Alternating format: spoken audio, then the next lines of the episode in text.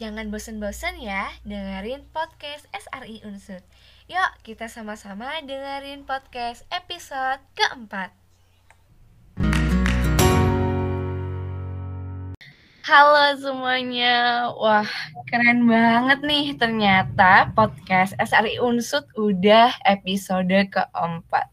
Jangan bosan-bosan ya dengerin podcastnya untuk kali ini kita kedatangan tamu spesial uh, pemateri dari geothermal. Sebelumnya perkenalan terlebih dahulu, uh, nama aku Dewi Tristianingrum dari Divisi Education dan ada pembicara kita nih. Boleh dong perkenalan? Oke, makasih Dewi. Halo teman-teman, Kenalin, aku Eva Pramudia Safitri. Biasanya sih dipanggil Dea, kadang juga Eva. Tapi biar lebih santai aja, Dewi bisa panggil aku Dea ya, Dew. Oke, siap. Wah, udah tahu ya nama pembicara kita kali ini, Dea. Nah, setelah ini mungkin dengerinnya bisa sambil mengakrabkan diri nih. Untuk tema podcast pada kali ini adalah energi geotermal dari proses hingga manfaat. Sebelum membahas terkait proses dan manfaat dari panas bumi atau geothermal, mungkin bisa kali ya kita minta dijelaskan nih terkait apa sih panas bumi dan sebagai uh, sebagainya kayak gitu. Mungkin bisa dibilang dasar-dasarnya aja lah kayak gitu. Karena uh, baik saya ataupun teman-teman mungkin belum familiar dengan adanya uh, panas bumi atau geothermal itu sendiri. Mungkin pembicara kita boleh menjelaskan Oke, makasih Dewi. Tadi terkait dasar-dasar panas bumi ya. Kalau dasar-dasar panas bumi itu ya sebetul, sebetulnya tuh panas bumi itu sumber energi panas yang terkandung di dalam air panas, uap air maupun batuan bersama mineral ikutan dan gas lainnya. Ini beda ya dari energi surya. Kalau surya kan dari cahaya tuh, dari cahaya matahari yang dikumpulkan secara langsung. Nah, kalau geotermal atau panas bumi ini e, dari dalam bumi bisa dibilang sumber panas yang terdapat di dalam bumi yang tidak disebabkan oleh matahari seperti itu. Jadi tidak begitu langsung ada di dalam bumi. Nah, bumi itu telah banyak mengalami revolusi itu sejak awal mula terbentuk sampai saat ini. Awalnya bumi punya temperatur yang panas, setelah mengalami pendinginan miliaran tahun lah, akhirnya bumi terbagi jadi tiga bagian. Tiga bagian itu ada kerak bumi, selimut bumi, dan juga inti bumi. Kayak gitu Dewi. Wah, oke. Jadi mungkin bisa uh, aku tangkap nih. Jadi panas bumi itu singkatnya adalah panas yang dihasilkan dari dalam perut bumi. Bisa berupa air panas, uap air, dan batuan bersama mineral ikutan serta gas lainnya. Lalu setelah penjelasan tadi, kita kan di air-air tuh sempat dijelaskan ada tiga lapisan. Tiga lapisan itu pasti ada dong fungsinya atau ada nih kaitannya dengan panas bumi. Boleh dijelaskan nggak deh? Boleh banget, Dew. Oke, jadi tuh kan ada tuh tiga lapisan. Ada kerak bumi, selimut bumi, sama inti bumi.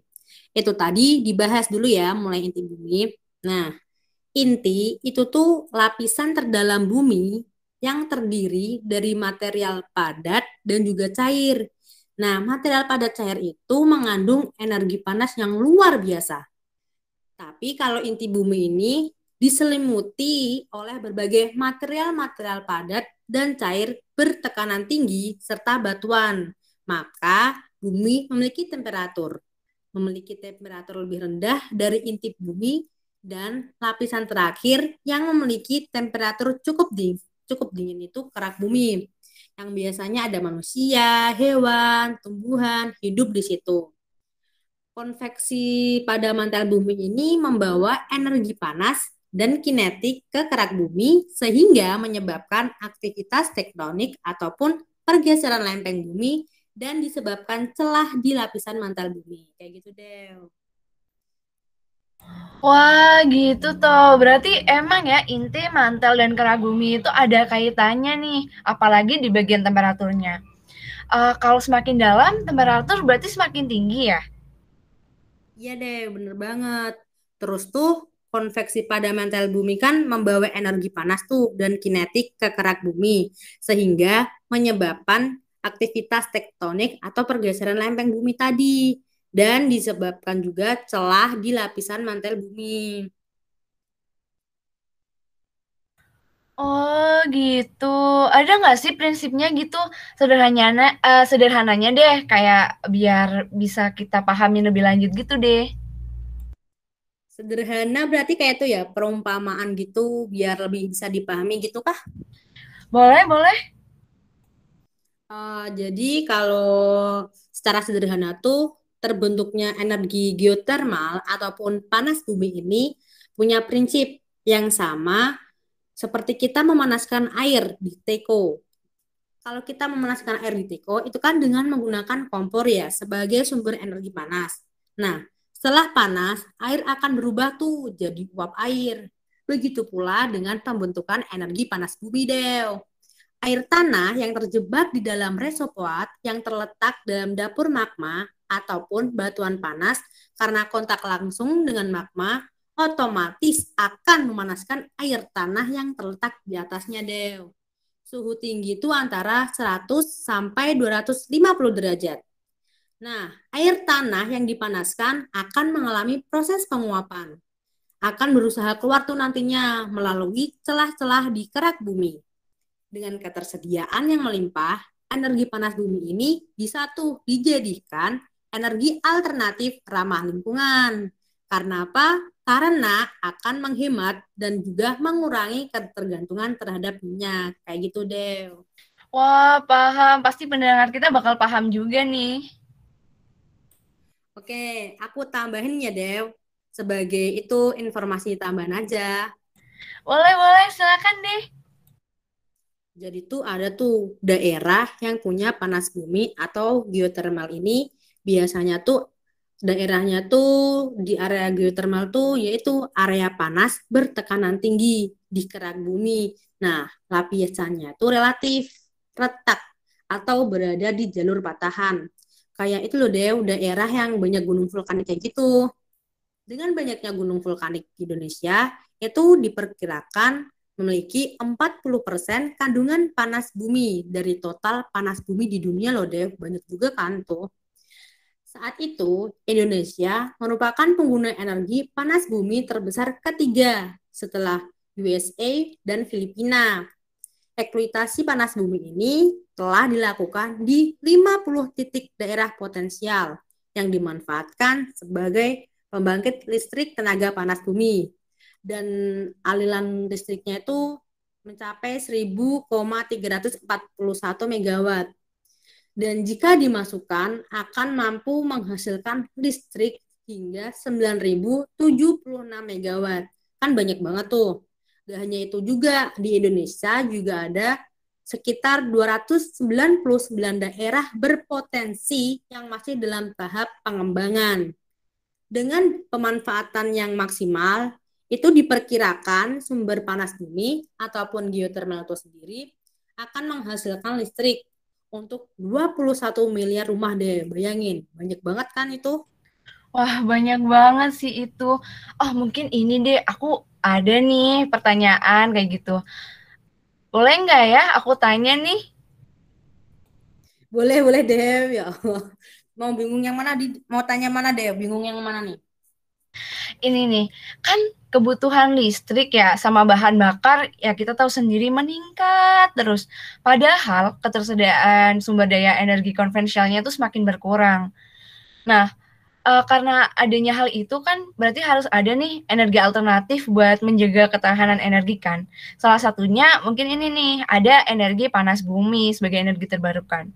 Sementara itu, ini ada potensi energi panas bumi yang sangat besar belum dimanfaatkan dengan maksimal. Balik lagi, mungkin banyak nih pendengar-pendengar kita juga baru tahu, oh ada ya yang namanya itu geothermal sebagai energi terbarukan kan. Nah, mungkin uh, karena hal ini itu disebabkan adanya energi panas bumi yang belum kompetitif bila dibandingkan dengan harga energi fosil yang kayak sekarang kita tahu ada Pertamax, Pertamina dan lain-lain. Apalagi penguasaan teknologi uh, untuk orang Indonesia sendiri kan rendah ya. Ada keterbatasan dana juga buat nge-eksplorasi sama investasi di bidang ini gitu. Terus aku mau tanya dong, uh, karena adanya apa ya permasalahan-permasalahan ini nih sebenarnya buat di Indonesia sendiri pemanfaatan dari energi panas bumi itu udah sejauh mana sih? Uh, jadi gini Del, sebenarnya tuh uh, terkait pemanfaatan panas bumi itu panjang ya kalau dibahas. Tapi aku usahain jelasin sesimpel mungkin ya, biar pendengar juga bisa paham nih dan ngerti. Jadi pesan maupun ilmunya tuh bisa ketangkep. Sebenarnya tuh ada dua cara pemanfaatan panas bumi secara langsung dan tidak langsung. Mungkin aku bahas dulu yang secara tidak langsung ya, Dew. Pemanfaatan okay. tidak langsung panas bumi. Itu tuh berarti teknologi pemanfaatan tidak langsung ya. Energi panas bumi ini kan itu ya menguntungkan karena bisa dimanfaatkan secara langsung atau tidak langsung. Kalau secara tidak langsungnya itu pemberdayaan ini e, menggunakan sistem yang memberdayakan uap panas dari dalam tanah untuk diubah jadi tekanan listrik. Proses ini melalui beberapa tahap. Yang pertama, dilakukan di kawasan yang memiliki panas bumi yang cukup dengan kedalaman 700 hingga 1200 meter sampai sentuh permukaan air panas kayak gitulah. Nah, kawasan sumber panas bumi ini tuh disebut reservoir reservoir geotermal yang berfungsi untuk menampung uap dan air panas dari dalam bumi. Jadi uap panas itu dengan sendirinya naik ke atas permukaan tanah karena tekanan panas yang ada. Uap dan air dialirkan dengan pipa menuju kepala eh, apa namanya? kepala sumur pemisah itu dan tekanannya itu akan berkurang. Nah, pada proses ini air itu akan berubah jadi uap bertekanan tinggi. Air yang nggak berubah akan dialirkan untuk menghasilkan uap bertekanan standar. Kemudian, air yang tersisa akan dialirkan sendiri untuk menghasilkan uap bertekanan rendah. Semua uap yang terbentuk kemudian itu akan dialirkan di turbin untuk menggerakkan generator listrik muatan yang terbentuk langsung dialirkan ke transformer untuk dinaikkan tegangannya, kemudian dialirkan ke kabel listrik kayak gitu deh. Jadi dari kabel listrik itu, listrik itu bakal didistribusikan eh, ke rumah-rumah di sekitar pembangkit listriknya itu. Kalau air dingin yang tidak berubah jadi uap itu nantinya akan dialirkan kembali tuh pada reservoir bawah tanah untuk dipanaskan ulang secara alami ya kayak tadi uh, siklusnya tuh berulang-ulang kayak gitu terus. Nah, berkat teknologi geothermal saat ini ada tiga teknologi tuh untuk menghasilkan listrik dari sumur panas bumi yang dibor ke dalam tanah. Yang pertama tuh ada dry system power plant teknologi. Ini tuh yang paling umum digunakan ya saat ini. Uap panas bumi itu bakal ngalir langsung ke turbin untuk menggerakkan generator listrik. Yang kedua ada flash system power plant teknologi. Itu tuh memanfaatkan air panas dari dalam bumi yang disalurkan ke tangki ke permukaan untuk e, mengalami pendinginan. Setelah itu cairannya tuh akan berubah untuk menggerakkan turbin generator. Dan yang terakhir ada binary cycle power plant teknologi. Cara kerjanya itu ini yang paling rumit. Karena apa? Air panas dari dalam bumi itu bakal dialirkan ke mesin penukar panas untuk memanaskan cairan kedua yang memiliki titik lebih rendah daripada titik yang cairan yang pertama. Cairan kedua ini disebut cairan perpindahan panas. Setelah panas cairan kedua akan dihasilkan uap yang menggerakkan turbin dan generator. Jadi itu kita sudah tahu tuh e, gimana binary cycle, binary cycle itu bekerja.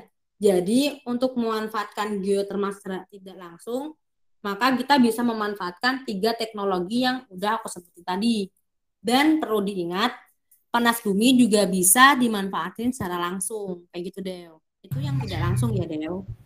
Wah, keren banget ya. Udah ada tiga teknologi nih buat memanfaatkan panas bumi secara tidak langsung dari yang umum digunakan sampai yang paling rumit. Terus kan tadi baru yang tidak langsung ya. Kalau yang secara langsung gimana tuh? Nah, kalau pemanfaatan secara langsung panas bumi ini, eh, apa namanya, ada dua cara untuk maksimalin. Yang pertama, kita ambil dulu tuh sumber panas dari dalam bumi, kemudian tuh bakal dialirkan ke separator bertekanan, bertekanan rendah. Pada tahap ini nih, uap panas dan air panas tuh akan tercipta. Uap dialirkan ke turbin, sedangkan uap panasnya dialirkan ke mesin penukar panas untuk membuat temperatur jadi hangat. Air hangat untuk perikanan, kolam, ataupun pemandian air panas. Jadi bisa digunakan untuk perikanan kolam ataupun pemandian air panas ya. Yang kedua, dengan memanfaatkan sumber panas dari sumber mata air panas yang mana langsung dialirkan ke mesin penukar panas. Setelah itu diatur tuh suhunya sampai jadi hangat. Air hangat itu kemudian dialirkan untuk menghangatkan rumah kaca dan mengeringkan hasil pertanian berkebunan. Sedangkan air dingin yang dihasilkan itu akan dialirkan kembali ke sungai atau tanah untuk tetap menjaga keseimbangan. Selain itu juga ada zona geotermal alami yang bisa dijadikan objek wisata yang menarik banget. Jadi kayak gitu tuh kalau proses pembentukan alam panas bumi sampai pemanfaatannya jadi listrik. Nah, kita tuh harus bisa ngembangin dan gunain energi panas bumi sebagai alternatif ataupun bisa dikatakan sebagai energi terbarukan ya kalau sekarang ini harus dimanfaatkan sebagai sebaik mungkin untuk memelihara kelestarian bumi kita. Karena kelestarian bumi kan jadi tanggung jawab kita bersama tuh Del. Jadi harus saling gotong royong gitu, mengembangkan negara Indonesia juga. Kan Indonesia negara berkembang tuh kita harus jadi negara maju yang bisa menginovasi negara-negara yang lainnya kayak gitu deh. Wah, keren banget nih dia. Mungkin uh, pendengar kita nih jadi banyak informasi yang didapatkan, terus juga jadi tahu kalau banyak nih manfaatnya gitu. Terus pengolahannya juga nggak cuma satu gitu. Jadi tergantung nih dimanfaatkannya dalam uh, teknologi yang seperti apa dan yang ada seperti apa gitu ya, deh ya. Iya deh, bener bisa dibilang kayak gitu sih. Eh, ini dong ada pertanyaan dikit lagi nih.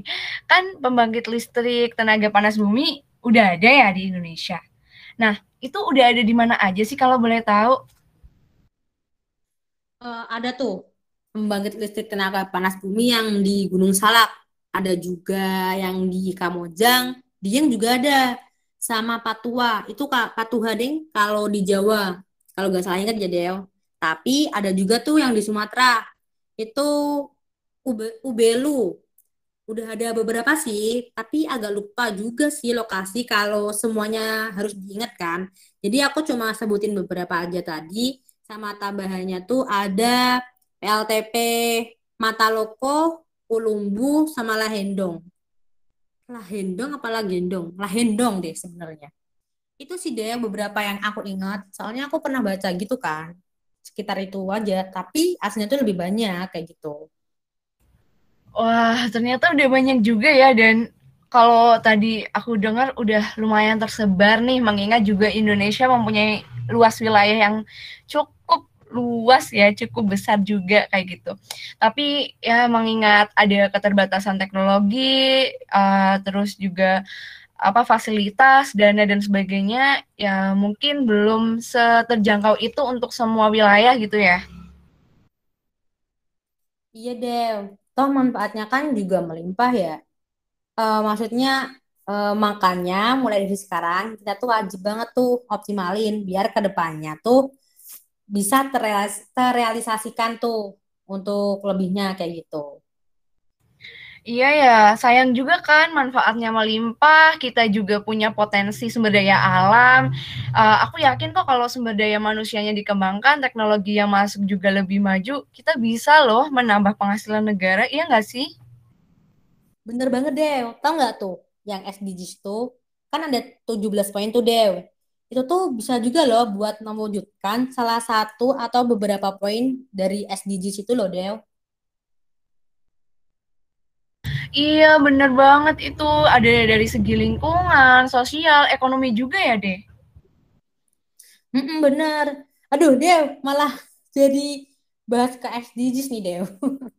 Uh, iya nih mungkin saking asiknya nih bahas geothermal malah kita bahas soal perkembangannya lagi nih ke FG, ke FDGs. Oke, mungkin udah cukup ya. Wah, semoga ilmunya bermanfaat buat teman-teman, nambah pengetahuan lagi. Uh, makasih juga ya dia udah mau isi podcast kali ini. Sama-sama, Del. Oke, teman-teman, uh, mungkin cukup sekian podcast dari kami SRI Unsur. Jangan bosan-bosan buat dengerin podcast-podcast selanjutnya. Sampai ketemu lagi di podcast episode selanjutnya. Dadah.